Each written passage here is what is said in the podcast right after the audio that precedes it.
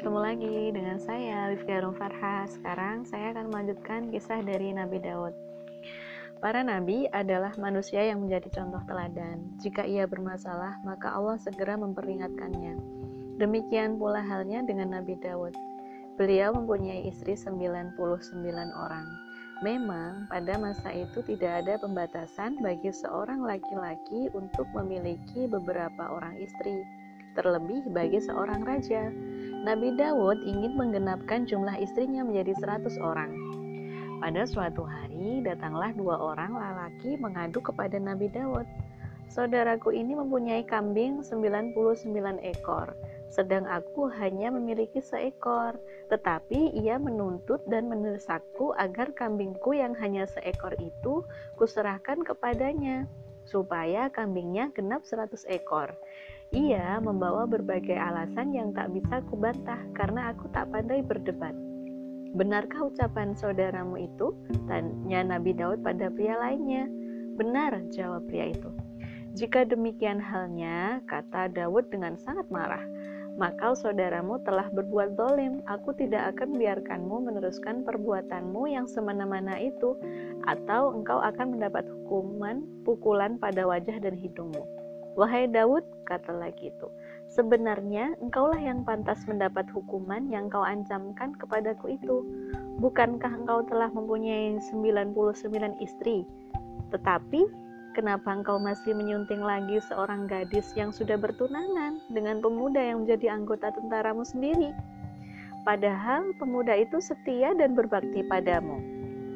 Nabi Daud tercengang mendengar ucapan pria yang tegas dan berani itu.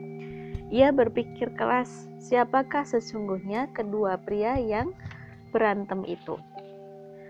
Mendadak kedua pria itu hilang lenyap tanpa bekas. Tahulah Nabi Daud bahwa beliau telah diperingatkan Allah melalui malaikatnya. Beliau segera bertaubat dan memohon ampun kepada Allah, dan Allah menerima taubatnya. Begitu kisah Nabi Daud yang diingatkan oleh Allah. Di antaranya mukjizat yang diberikan Allah kepada Nabi Dawud itu adalah dapat melunakkan besi layaknya lilin yang dapat dirubah sekendak hati tanpa memakai api atau alat apa pun. Dari besi itu pula, beliau dapat membuat baju besi yang dikokohkan dengan tenunan dari bulatan-bulatan rantai yang berkesinambungan jalin menjalin. Jenis batu ini membuat pemakainya bebas bergerak, tidak kaku seperti baju besi yang dibuat dari besi lembaran. Nabi Daud juga dikaruniai suara yang sangat merdu sekali. Sedang kitab yang diturunkan kepada Nabi Daud namanya adalah kitab Zabur yang berisikan pelajaran, peringatan, nyanyian, pujian kepada Allah. Pada suatu hari berjangkitlah penyakit kolera di wilayah kerajaan yang dikuasai Nabi Daud. Banyak sekali rakyat yang mati karena penyakit ini. Nabi Daud kemudian berdoa kepada Allah, maka hilanglah penyakit itu. Untuk menunjukkan rasa syukurnya kepada Allah, kemudian Nabi Daud mengajak putranya Sulaiman membangun tempat suci yang sampai sekarang dikenal sebagai Baitul Maqdis itu adalah kisah dari Nabi Dawud mulai dari diperingatkan Allah karena uh, ada hal yang tidak sesuai dengan syariat kemudian kisah dari mukjizat beliau dan asal usul dari Baitul Maqdis Nah, semoga kita dapat mengambil hikmah dan pelajaran dari kisah Nabi Dawud ini ya. Sampai jumpa pada episode kisah Nabi selanjutnya. Oh iya, bocoran sedikit kisah Nabi selanjutnya yaitu kisah Nabi Sulaiman, yaitu putra dari Nabi Daud. Sampai jumpa.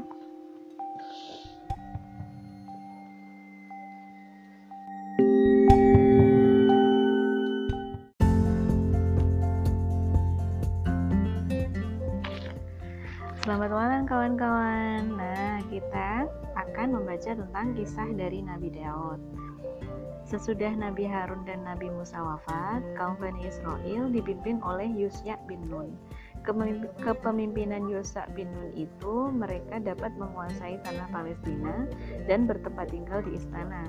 Namun setelah Yusya bin Nun meninggal, mereka terpecah belah. Isi kitab Taurat berani mereka rubah dan ditambah. Mereka suka bersilang pendapat, akhirnya hilanglah kekuatan persatuan mereka. Tanah Palestina diserbu dan dikuasai bangsa lain. Bani Israel menjadi bangsa jajahan yang tertindas.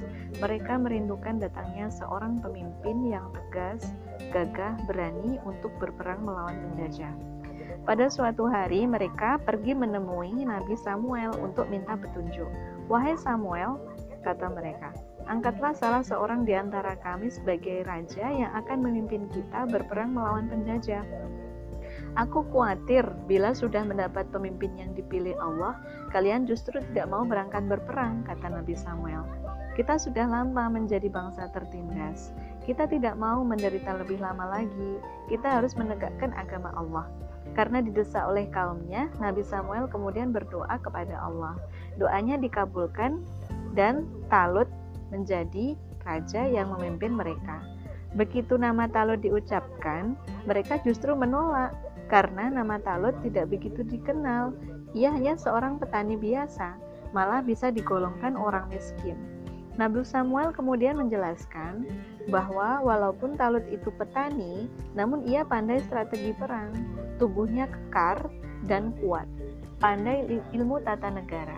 Akhirnya mereka mau menerima Talut sebagai raja mereka.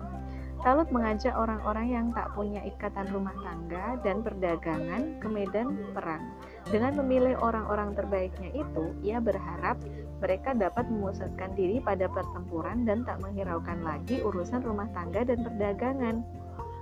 Salah seorang anak muda yang ikut dalam barisan Talut adalah seorang remaja bernama Dawud. Ia diperintah ayahnya untuk menyertai kedua kakaknya yang maju ke medan perang. Daud tidak diperkenankan maju ke garis depan. Ia hanya disuruh melayani kedua kakaknya. Tempatnya di garis belakang. Jika kakaknya lapar dan haus, dialah yang harus melayani dan menyiapkan makanan untuk kakaknya. Tentara Talut sebenarnya tidak seberapa banyak, jauh lebih besar dan lebih banyak tentara Jalut sang penindas. Jalut sendiri adalah seorang panglima perang yang bertubuh besar seperti raksasa. Setiap orang yang berhadapan dengannya selalu binasa. Tentara Talut gemetar saat melihat keperkasaan musuh-musuhnya itu. Demi melihat tentaranya ketakutan, Talut berdoa kepada Allah, Ya Tuhan kami, curahkanlah kesabaran atas diri kami, dan kokohkanlah pendirian kami, dan tolonglah kami terhadap orang-orang kafir. Maka dengan kekuatan doa itu, mereka menyerbu tentara Talut, eh, tentara Jalut. Mereka bertempur dengan gagah berani. Tentara Jalut tak mengira lawan yang berjumlah sedikit itu mempunyai keberanian bagaikan singa terluka. Akhirnya Jalut dapat diporak-porandakan dan lari cerai-berai. Tinggal Jalut sang panglima dan beberapa pengawalnya yang masih tersisa. Talut dan pengikutnya tak berani berhadapan dengan raksasa itu. Lalu diumumkannya oleh Talut bahwa siapa yang dapat membunuh Jalut, maka ia akan diambil sebagai menantu. Tak disangka, Daud yang masih berusia remaja tampil ke depan, minta izin kepada Talut untuk menghadapi Jalut. Mula-mula Talut ragu, mampukah Daud yang masih muda itu mengalahkan Jalut? Namun setelah didesak oleh Daud, ia mengizinkan anak muda itu maju ke medan perang. Dari kejauhan, Talut melihat sepak terjang Jalut, eh, Daud yang menantang Jalut. Jalut memang sombong. Ia telah berteriak berkali-kali menantang orang-orang Israel untuk berperang tanding.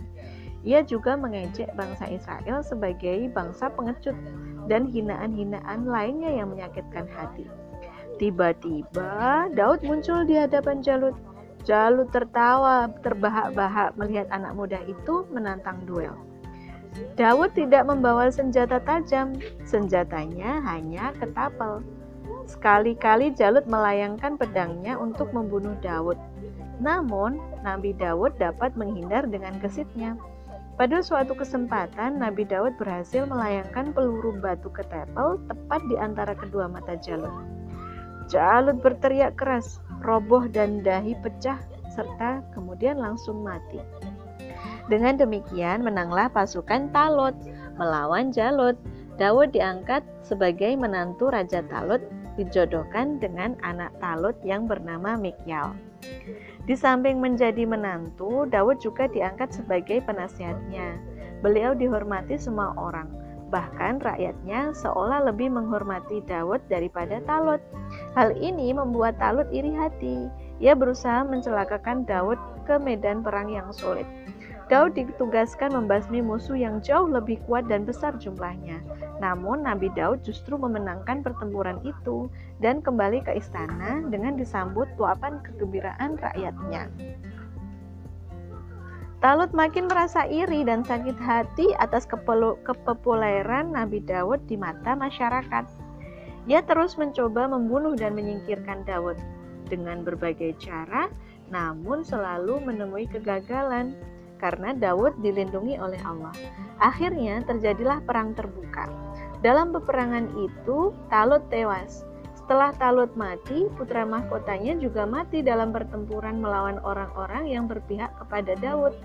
Maka Daud diangkat sebagai raja bangsa Israel. Nabi Daud diistimewakan Allah, yaitu dengan ditundukkannya gunung-gunung supaya bertasbih memuji Allah bersama Nabi Daud pada waktu pagi, siang, dan malam. Demikian pula burung-burung telah ditundukkan kepada Nabi Daud untuk berkumpul memuji Allah bersama Nabi Daud.